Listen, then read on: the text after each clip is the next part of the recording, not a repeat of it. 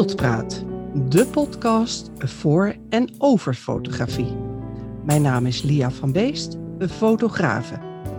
En mijn gast in deze aflevering is Nando Harmsen. Hij is professioneel fotograaf, geeft masterclasses, lezingen en videocursussen. Verder is hij ook schrijver en blogger en begeleidt hij diverse fotoreizen bij fotografiereizen.nl. Nou, wat uh, superleuk Nando dat jij mijn gast wilt zijn. Welkom. Ja, dankjewel. Leuk dat ik erbij mag zijn. Ja, maar hoe ben jij eigenlijk zelf in de fotografie terechtgekomen voordat we aan het boek beginnen? Ja, dat is, uh, is eigenlijk al een heel lang verhaal. Uh, dat ga ik niet helemaal in zijn geheel vertellen. Maar uh, op mijn tiende verjaardag kreeg ik van mijn ouders mijn eerste spiegelreflexcamera, een, een tweedehands cameraatje, waarmee ik in feite begonnen ben met het fotograferen en leren van fotografie. En sinds die tijd heeft dat mij nooit meer losgelaten. Uh, van camera naar camera. Uh, ik heb allerlei soorten fotografie gedaan en ik heb het alleen maar leuk gevonden om beelden te maken. En ja, met die eerste camera ben ik erin terechtgekomen. En dat is sindsdien ja, een onderdeel van mijn leven geworden bijna. Ja, je hebt je beroep ervan gemaakt. Uiteindelijk we wel. Ja, ja uiteindelijk ja, wel. Ja. En uh, we gaan het hebben over je nieuwe boek, Perfect Belichten. Mhm. Uh, wat heeft jou doen besluiten om dit boek te maken? Speciaal over dit onderwerp. Ik ben een aantal jaren geleden begonnen met een website waar ik heel veel informatie over fotografie ben gaan aanbieden aan lezers. En uh, ik heb gemerkt dat ik het heel leuk vind om daadwerkelijk ook een beetje onderricht erin te geven. Hè? De, de, de dingen die ik vertel, daar wil ik anderen mee helpen. En ja, belichten is natuurlijk het belangrijkste onderdeel van je fotografie, of een van de belangrijkste onderdelen. En dat heb ik eh, stapje voor stapje ben ik daar steeds dieper op ingegaan op mijn website. Nou, webpagina's lezen is natuurlijk nog minder prettig dan een boek. En uiteindelijk heb ik de stap genomen om het in eerste instantie als een e-book te gaan aanbieden. En uiteindelijk is dat dus een boek geworden en dat is perfect belichten geworden. Ja, ja want voor mijzelf vind ik een boek in de handen hebben prettiger dan het uh, als e-book hebben. Vooral bij fotografieboeken. Ik weet niet hoe dat bij jou is. Dat geldt voor mij ook. Uh, ik lees zelf ook heel veel. En uh, het gevoel van een boek in de handen, de geur van een boek, hè, want ze hebben toch altijd een beetje een specifieke geur. Um, dat, dat is, hè, je kunt op een bank kruipen en lekker in een boek gaan lezen. dat is toch heel anders dan als je dat op een digitaal scherm kijkt. Laat staan een website. Hè. De, Ja. de, over het algemeen zijn mensen toch al heel kort op websites aanwezig. Na 20, 30 seconden zijn ze al heel snel geneigd om weer verder te klikken. En een boek, daar kun je lekker induiken. Dat is Ja. toch prettiger. Ja. ja, want ik vind ook inderdaad, net wat je zegt, het, het, het, het ruiken van het boek, het eh, voelen aan de pagina's en, en dat soort dingen. De kleurdruk, ik bedoel, een e-reader of op een iPad, dat voelt toch anders. Maar Ja. eh, hoe heet het, dat boek Perfect Belichten, dan hebben we het over het natuurlijke licht en niet over flitstechnieken. Dat klopt, hè? Ja, klopt. Ja, hoewel eh, flitsen natuurlijk ook licht eh, produceert, hè, want dan maak Ja. je zelf je licht, ben ik toch ingegaan op alleen maar het gebruik van de belichtingsmeter en het natuurlijke licht van ja, je omgeving.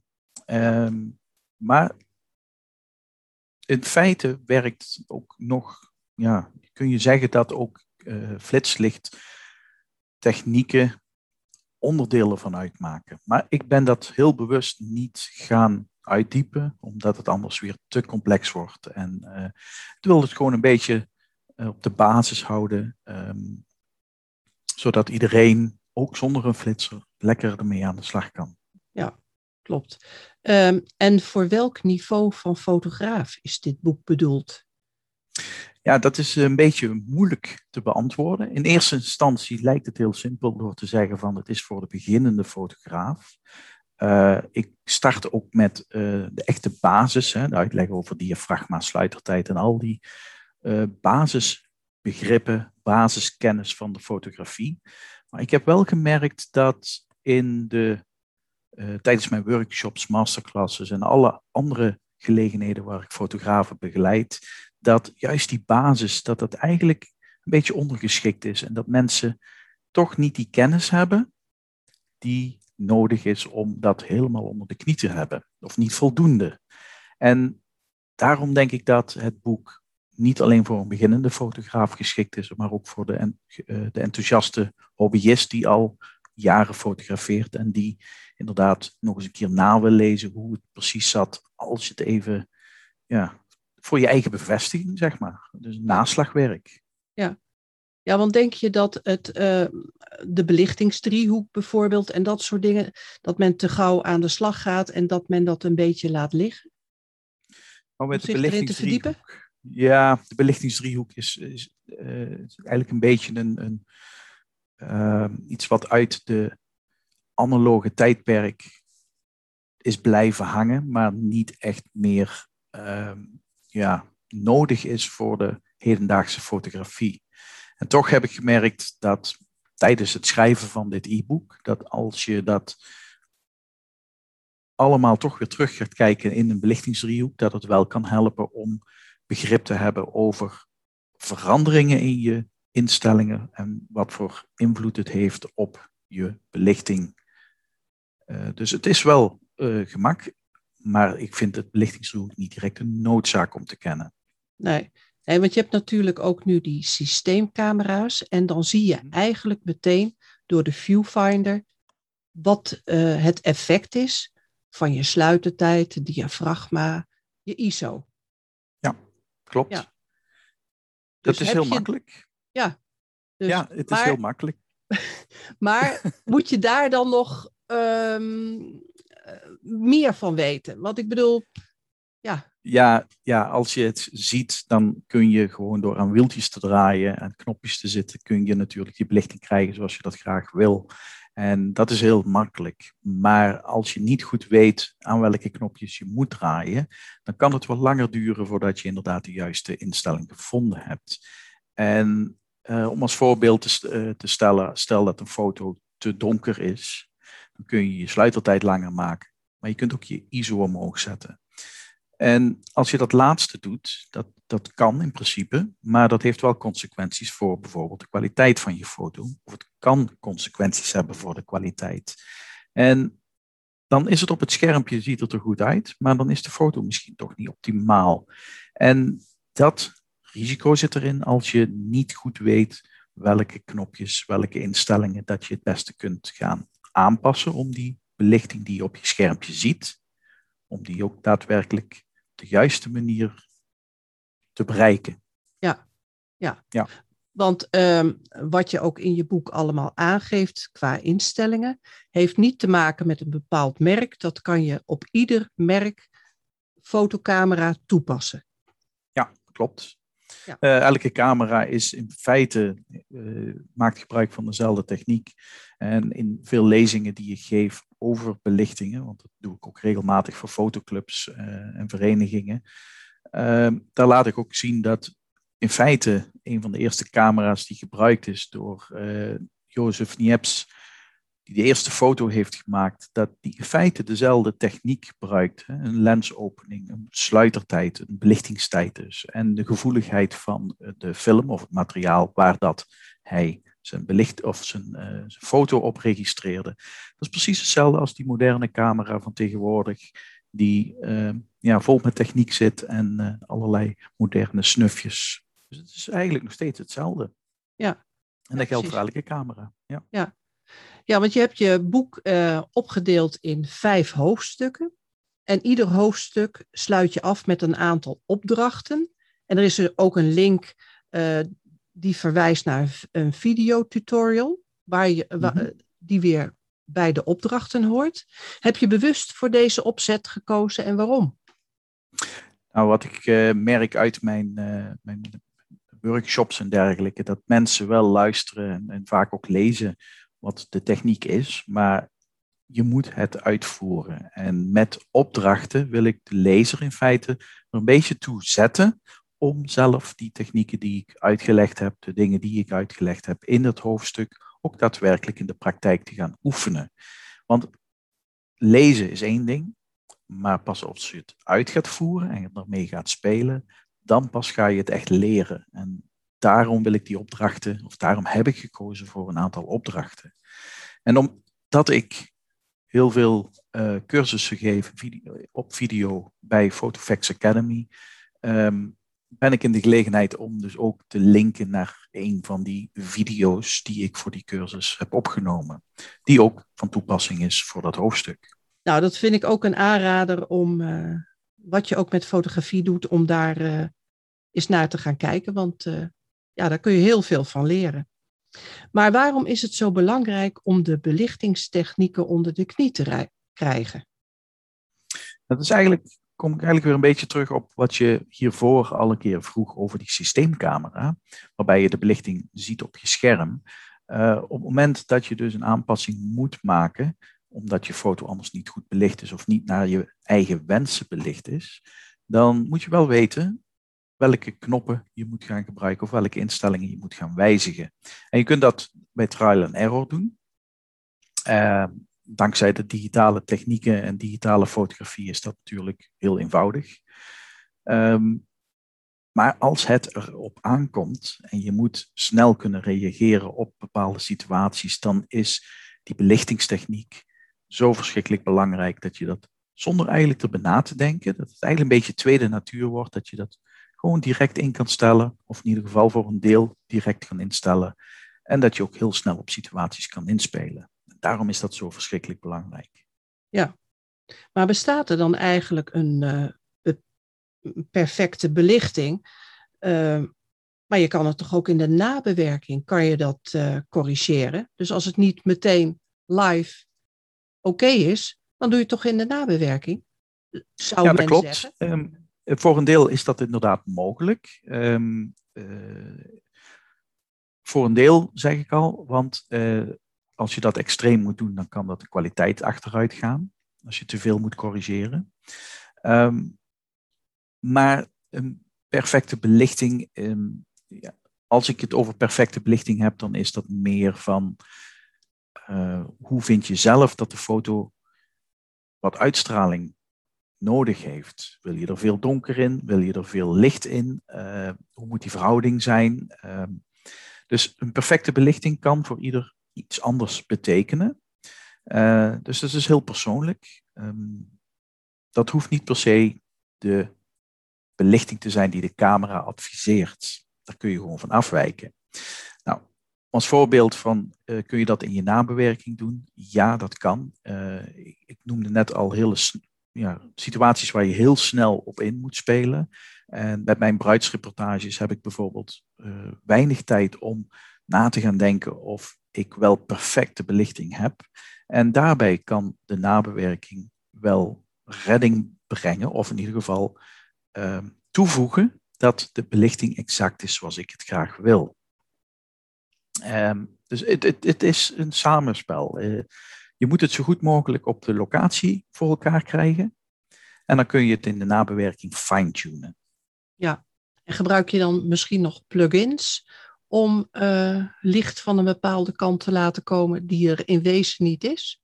Nee, dat doe ik niet. Uh, ik, ik, ben helemaal niet voor plugins. Uh, je zou er zelf eentje kunnen maken, een, een, een, een, voorinstelling die je gebruikt voor al je foto's. Maar ik, ik geloof niet in voorinstellingen die je koopt in een pakketje van een bekende fotograaf. Ehm, want dat is de bewerking van die fotograaf en niet van jezelf.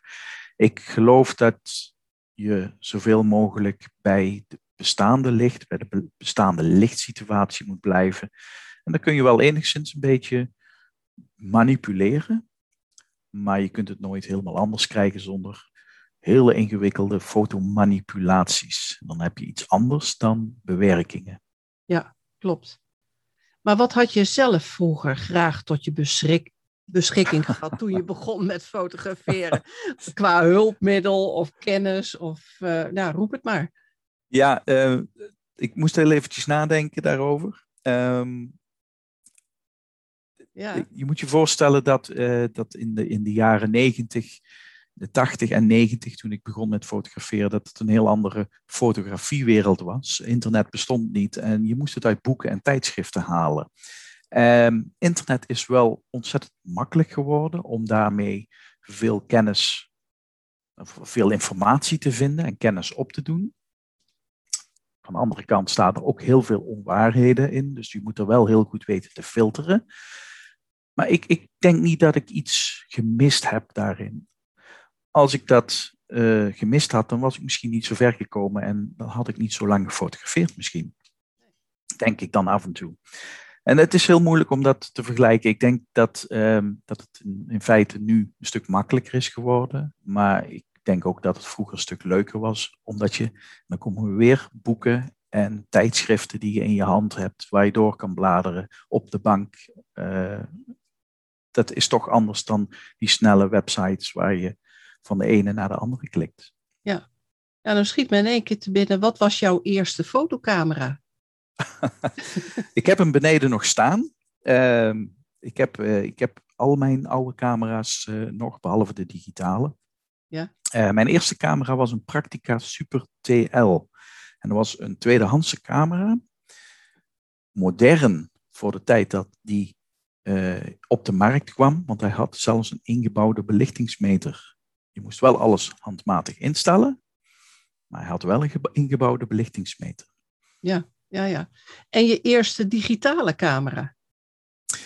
Um, rond het jaar 2000, en ik weet niet precies welk jaar dat het is geweest, maar rond die koers heb ik al mijn fotoapparatuur, mijn analoge fotoapparatuur verkocht en een digitale uh, uh, compact camera, een, moderne, een, een, ja, niet, niet een eenvoudig type, maar een, een um, geavanceerd model gekocht, uh, een Sony-camera, en daar ben ik mee gaan fotograferen. En het is pas sinds 2005, denk ik, dat ik weer met een digitale spiegelreflex ben gaan werken. En dat, is, uh, dat ben ik uiteindelijk een keer voor Canon uh, gaan kiezen.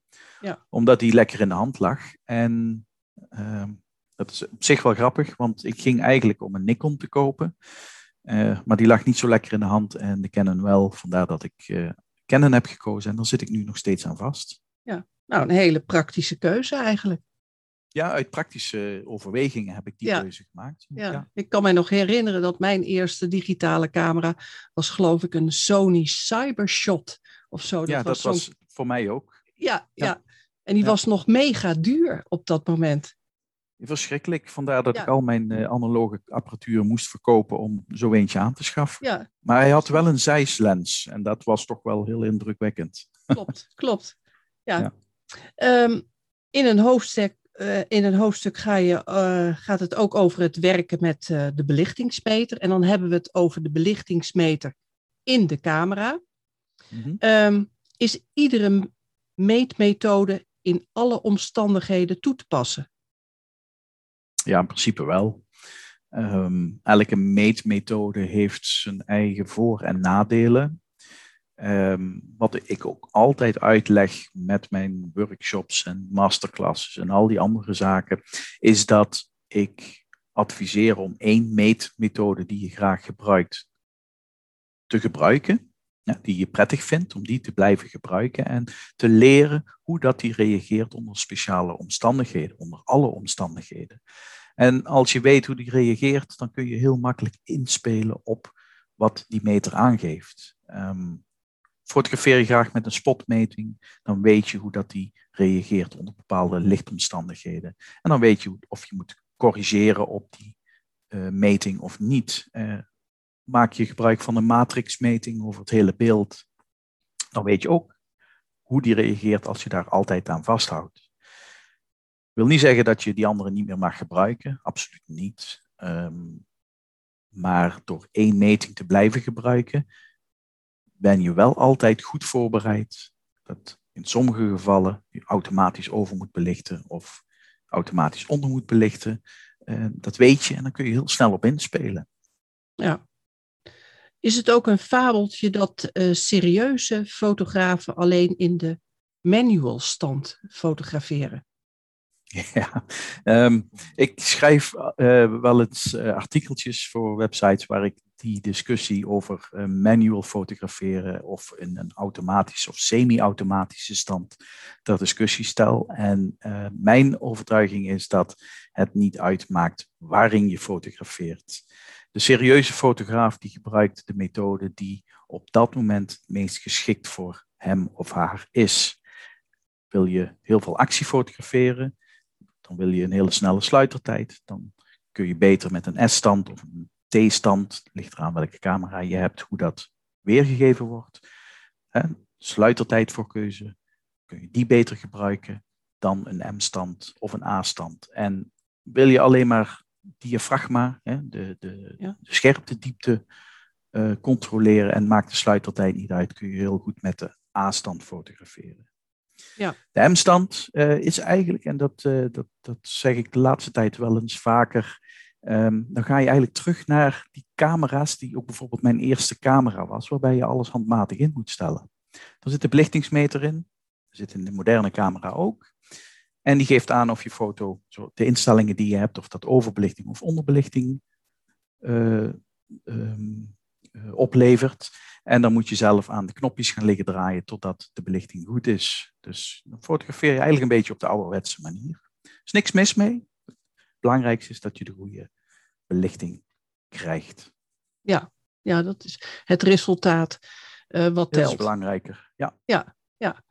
Nou, dan heb je als, uh, als je verschillende soorten licht in een situatie hebt, hoe ga je daar dan mee om? Wat zijn de logische uh, te volgen stappen? Je hebt bijvoorbeeld natuurlijk licht, je hebt TL-licht of, of uh, gloeilamp, whatever. Hoe ga je daarmee om als je dat wil fotograferen? dat maakt eigenlijk niet uit welk licht je hebt. Het is allemaal licht. Het enige verschil dat je zou kunnen hebben is de kleur van het licht. Uh, kunstlicht heeft vaak een warmere kleur. Hè? Dat, dat zie je vaak dat de foto wat roder kan ogen. Uh, buiten heb je meer blauw licht. TL zit meer tegen het groenige aan. Um, maar het is allemaal licht. En of je nou zonlicht hebt of een TL-balk of een gloeilamp, het werkt in feite allemaal hetzelfde. Ja. Dus uh, kunt altijd dezelfde methodes toe gaan passen. Ja, maar als nu in één foto dat je zegt van nou, het licht komt door het raam. Ja. En ik heb uh, uh, gloeilamplicht erbij. En mm -hmm. ja, hoe, hoe ga ik daar dan mee de juiste belichting krijgen? Bot, botst dat met elkaar? Het botst in kleur. Ja. Dat vind ik vaak het grootste probleem. ik zeg al, buitenlicht is dan blauw en binnenlicht is geel. En, en je moet die twee dan mengen. Uh, wat belichting betreft, wat vind je het belangrijkste? Vind je het belangrijkste de gloeilamp of vind je het belangrijkste het buitenlicht? En dat ga je gebruiken in je foto. Mm -hmm. En is die gloeilamp storend, doe je hem uit. Is het buitenlicht storend, dan zet je je onderwerp, als het mogelijk is, hè, dat, dat praat je vaak over een model dat voor de raam zit, dan zet je je model op een andere plek of je doet de gordijn dicht. Dus dan, dan los je dat op die manier op. Uh, wil je allebei de, het licht hebben? Dat kan ook. Um, ja, dan, dan moet je daar rekening mee houden dat je um, licht van twee kanten krijgt of licht met twee kleuren hebt. En uh, ja, het is allebei licht. Ja, maar dat moet je, moet je dan wel balanceren. Dat je, dat, dat een beetje in balans komt. En hoe doe je dat dan? Uh, als de intensiteit van het licht van de twee verschillend is, dan moet je een keuze maken. Uh, wil je het felle licht overbelichten, als het ware, dat het bijna wit is, of, of volledig overstraald is, dan moet je belichten op het licht van je gloeilamp. En is het buitenlicht belangrijker dan die gloeilamp, dan belicht je op het buitenlicht en dan zal die gloeilamp waarschijnlijk al bijna niet meer te zien zijn of alleen maar als een invullicht gaan dienen. Dus je moet eigenlijk een beetje de keuze maken van wat vind je belangrijk uh, van het licht en welke uitstraling wil je de foto geven.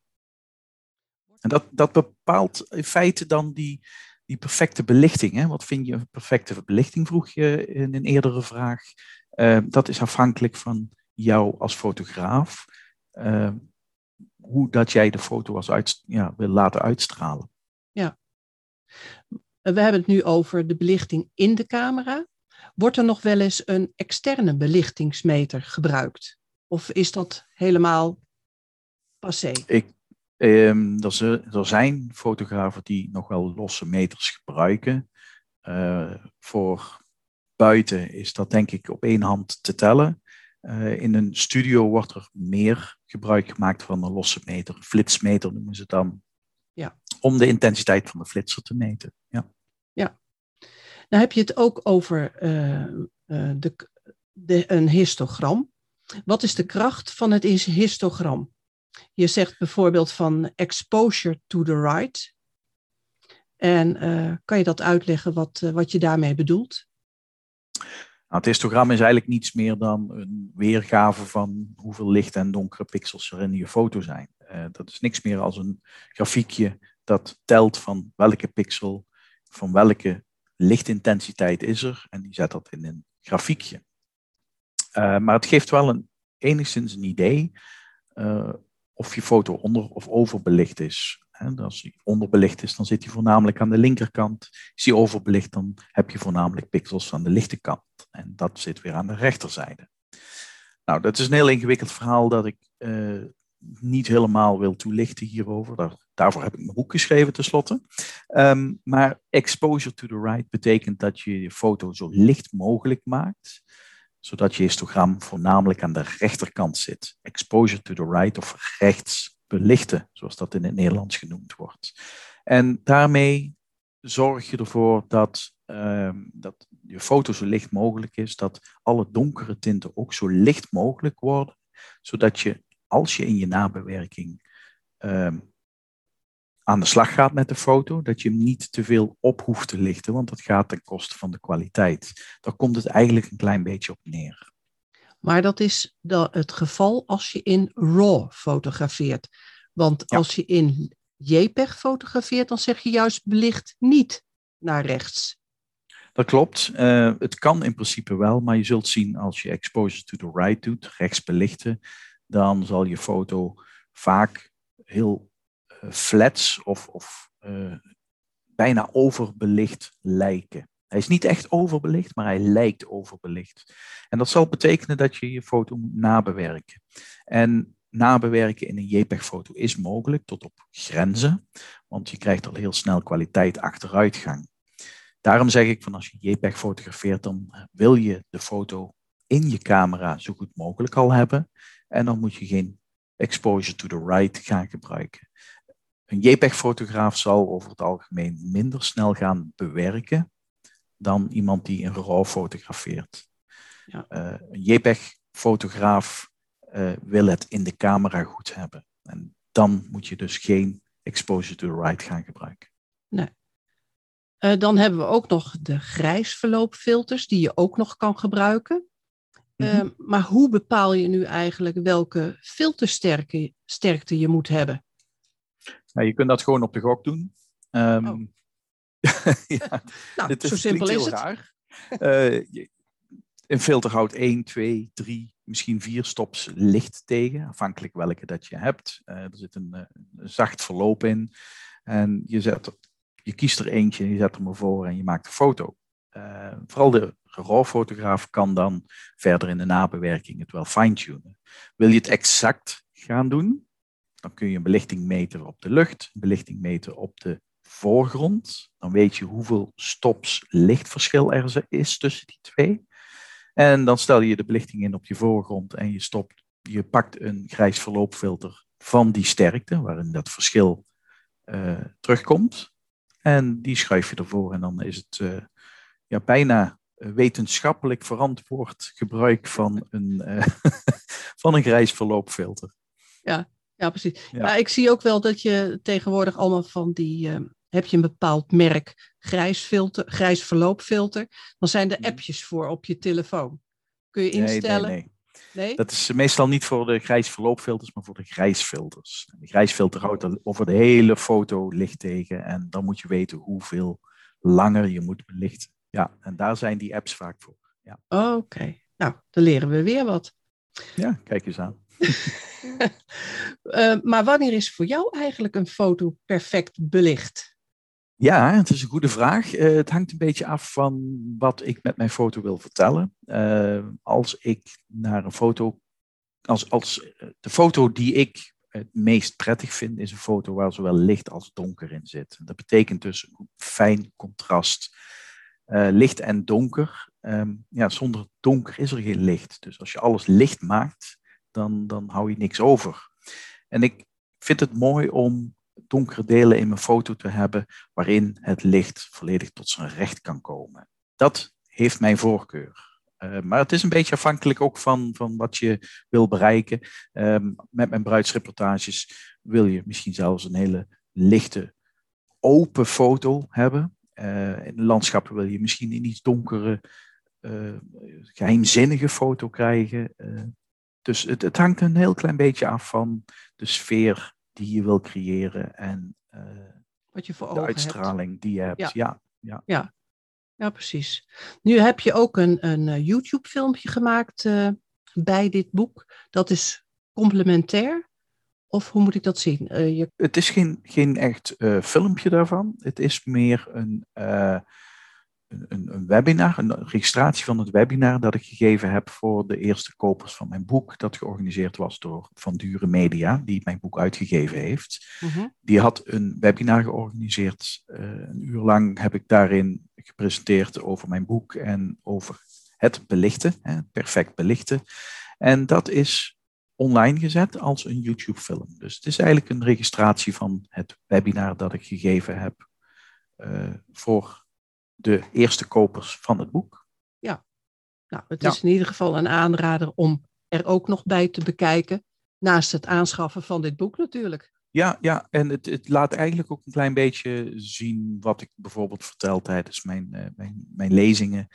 Uh, wat er aan bod komt tijdens die presentaties voor fotoclubs. Hè. Dat is dus een kleine, uh, ja, een kleine blik in complete presentaties en uh, lezingen die ik geef.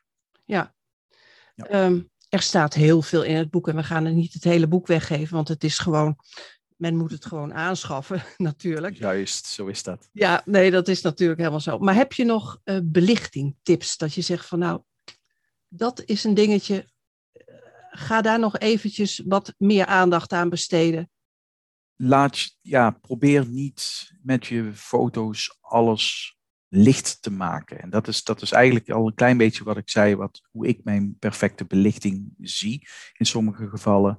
Um, hou contrast, hou sommige dingen donker in ja. de foto. Dat hoeft niet zwart te zijn, hè? dat kan gewoon donker zijn, zodat een foto niet alles weggeeft, maar dat de kijker ook enigszins een beetje um, uh, geprikkeld wordt om te kijken naar zo'n foto, om, om dingen erbij te verzinnen. Um, ja, dat er moet er een kom, beetje een illusie blijven. Ja, ja ik, ik, ik noem dan heel eventjes uh, HDR, High Dynamic Range en, en Tone Mapping. Dat zijn die technieken om, uh, om alles binnen het dynamisch bereik van je, van, je, van je camera te krijgen, zodat alle donkere delen ook daadwerkelijk herkenbaar zijn en uh, uh, ja, dat niets meer tot de verbeelding overspreekt. Het, het, geeft heel veel informatie, misschien zelfs te veel informatie, terwijl sommige donkere delen de foto juist heel erg ja, geheimzinnig en spannend kunnen maken. Ja. Dat, dat zou ik zeker willen adviseren. Ja. ja. Nou, iedere gast in mijn podcast vraag ik altijd hoe zij de fotografie zien ontwikkelen nu en in de toekomst? En die vraag stel ik ook nu aan jou. Hoe zie jij dat? Waar gaat de fotografie naartoe? Um, ja, de techniek die, eh, die gaat heel hard natuurlijk. Uh, um, als je dat vergelijkt met vroeger, dan is het ongelooflijk wat er tegenwoordig mogelijk is. Uh, maar ik, ik merk wel dat heel veel mensen te veel gericht zijn op die techniek. En daarbij eigenlijk het, fotograferen zelf een beetje uit het oog raken. Um, het gaat over nog meer beelden per seconde maken, nog meer dynamisch bereik in de camera, nog snellere autofocus, nog een betere sensor, nog meer pixels en dat soort zaken. En eh, die techniek is natuurlijk prachtig en, en ik juich dat ook toe. Hè. Ik bedoel, dat, dat gaat ons als fotograaf natuurlijk veel meer helpen met het bereiken van een goed product voor een bruids, hè, bruidspaar of uh, voor bedrijfsreportages. Dus dat kan heel veel nut brengen. Maar tegelijkertijd ben ik bang dat te veel gefocust wordt op al die techniek en dat het echte pure fotografie een beetje uit het oog verloren raakt. Ja. Dus ik, ik, ik juich al die technieken toe. Ik vind het fantastisch wat er allemaal gebeurt en wat er allemaal mogelijk is. Ehm, maar ja, vergeet niet dat het ook alleen dat het ook fotografie blijft en dat je niet altijd het beste moet hebben. En dat het beste ook, hè, de beste technieken, de moderne technieken, niet de betere foto zal opleveren. Nee, nee ik zeg wel eens, uh, je kan wel een Steinway piano hebben, maar dat wil nog niet zeggen dat je hem kan bespelen. En dat is natuurlijk ook zo met een, met een hele dure fotocamera. Je kan hem wel hebben, maar je moet er wel mee kunnen omgaan. Dus... Ja, het gaat, dan, uh, het gaat dan met de piano meer om dat je muziek maakt, dan dat het op dat moment heel goed klinkt. En als je weet hoe dat je de muziek maakt, dan kun je gaan kijken voor een beter geluid. Ja, ja precies. Ehm, dit boek is nou net uit. Ik weet niet hoe lang, een week, hoe lang is het uit? Nou, nog maar kort. Um, een maand ongeveer, hè? Ja, ja. ja. Um, heb jij nog uh, interessante fotografieopdrachten of reizen of uitdagingen in het verschiet? Ja, ik had hele interessante, ja, ik had hele interessante reizen op, in het verschiet. Ik uh, zou uh, begin juli naar IJsland gaan. Helaas is dat niet mogelijk, wegens allerlei regels die er momenteel gelden voor het binnenkomen van het land. Um, maar uh, ja, de, de, bruiloften trekken weer aan. Ik heb afgelopen maandag een bruiloft gefotografeerd. Het was heerlijk om weer te doen. Er zijn workshops die weer kunnen, van start kunnen gaan. Uh, in het najaar staat Schotland op de planning uh, om te Ook begeleiden, mooi. een reis. Ja, absoluut. En ja. Uh, voor volgend jaar sta ik op het punt weer opnieuw een poging te wagen om de masterclass uh, lange sluitertijden fotograferen aan de Opaalkust te gaan doen. Dat is uh, tot op heden helaas elke keer uitgesteld en afgesteld. Dus ik, uh, ik hoop dat dat uh, weer van start kan gaan. Dus daar kijk ik heel erg naar uit. Ja. ja. ja. Nee, ik moet eerlijk zeggen, je bent niet de eerste die naar IJsland gaat. Of zou nee, gaan. absoluut niet. Want het wordt daar hartstikke druk. Daar. Ja, het is eigenlijk, eigenlijk te druk, denk ik. Ja. Het is goed ja. voor, de, voor de toeristenindustrie natuurlijk en voor de economie van IJsland. Maar ja. Maar dan ga je met fotografie reizen, ga je daar naartoe of op uh, ja. eigen... Oké. Okay. Nee. Okay. dit, is, uh, dit is inderdaad uh, als, als begeleiding fotograaf met een groep enthousiaste fotografen die ik daar overal naar de leuke plekken meeneem. En behalve fotograferen ook gewoon eventjes de basis nog uitleg van het helpen om mooie beelden te maken. Ja. Nou, top. Een aanrader weer. Ja, absoluut. absoluut. Ja. Wil je nog iets toevoegen, eh, Nando, uh, aan deze podcast? Hebben we nog iets uh, nagelaten om te belichten? Of zeg jij van, nou, wil nog wat kwijt? Een leuk, woordgrapje. um, wat kan ik nog belichten? ja, ik ehm, sta um, ja, nergens voor in. nee, nee, ik begrijp het. Um, ja, ik wil één ding nog toevoegen. dit, dit, ook, de, ook dit hele boek gaat natuurlijk over de theorie en over de technieken voor het fotograferen eh, om iets goed te belichten. Maar ik vind het zo verschrikkelijk belangrijk dat je het leuk blijft vinden. Uh, als je fotografeert, geniet ervan. Hou het leuk. Maak ook fouten en wees niet bang om fouten te maken. Dat doen we allemaal, dat doe ik ook nog steeds en daar leren we alleen maar van. En probeer ook niet te veel naar anderen te kijken van wat die voor foto's hebben. Het is, het is goed om naar anderen te kijken, om er te genieten en om inspiratie op te doen. Maar ga niet proberen om dingen na te maken. Of doe gewoon lekker je eigen ding en geniet van dat soort fotografie. Zonder fotografie zal je, of zonder plezier zal je fotografie, uh, dan zal je ook nooit tevreden zijn met de resultaten die je haalt. En dat is zonde. Ja. Dus geniet ervan. Hou het leuk. Ja. Dat is belangrijk. Nou, dat zijn uh, hele wijze woorden om mee af te sluiten, Nando. Dankjewel. Ja, nee, dat lijkt me. Ja, want je hebt ook fotografen die raken op een gegeven moment in een dip, hè? Dat uh, hoorde ik laatst ook. Die, die hebben een soort uh, fotografieblokkade. Nou, dat moet, willen we niet hebben. Dus blijf het vooral leuk vinden. En Staat er nog een eh, boek in de planning, TCT eh, ooit? Oh, er staat zo verschrikkelijk veel in de planning. De dag heeft maar 24 uur en ik moet er ook nog wat van slapen. En, uh, ja. Dus uh, ja, ik, ik heb heel veel dingen in de planning. Uh, en het kost allemaal tijd. En, maar dat is ook niet erg. Ik vind het leuk om te doen. En alles ja. op zijn tijd. Dus ja. ik wil nog zeker nieuwe boeken uit gaan geven. Of gaan maken. Dus ja. Nou, zal dan, zien, dan dan spreek ik je vast nog wel een keertje in mijn podcast, hoop ik. En ik vond het heel erg leuk dat je de tijd hebt kunnen vrijmaken om uh, even mijn gast te zijn. En dan wil ik je heel hartelijk bedanken. En ik ga allerlei uh, dingen in de tekst zetten waar men je boek kan uh, aanschaffen. En je website enzovoort enzovoort. Dus dat gaat helemaal goed komen. En dan wil ik je hart, hartelijk bedanken voor dit interview. Dankjewel. Ja, ook dankjewel. Tot de volgende keer. Tot een volgende keer. Leuk dat je luisterde naar deze Beeldpraat podcast. Voor meer informatie kijk dan in de tekst bij deze podcast. Hierin staat ook de link om het boek Perfect Belichten van Nando Harmsen te bestellen. Wil je niets meer missen? Abonneer je dan nu op Beeldpraat en zodra er een nieuwe aflevering online staat, word je op de hoogte gebracht. Graag tot de volgende beeldpraat.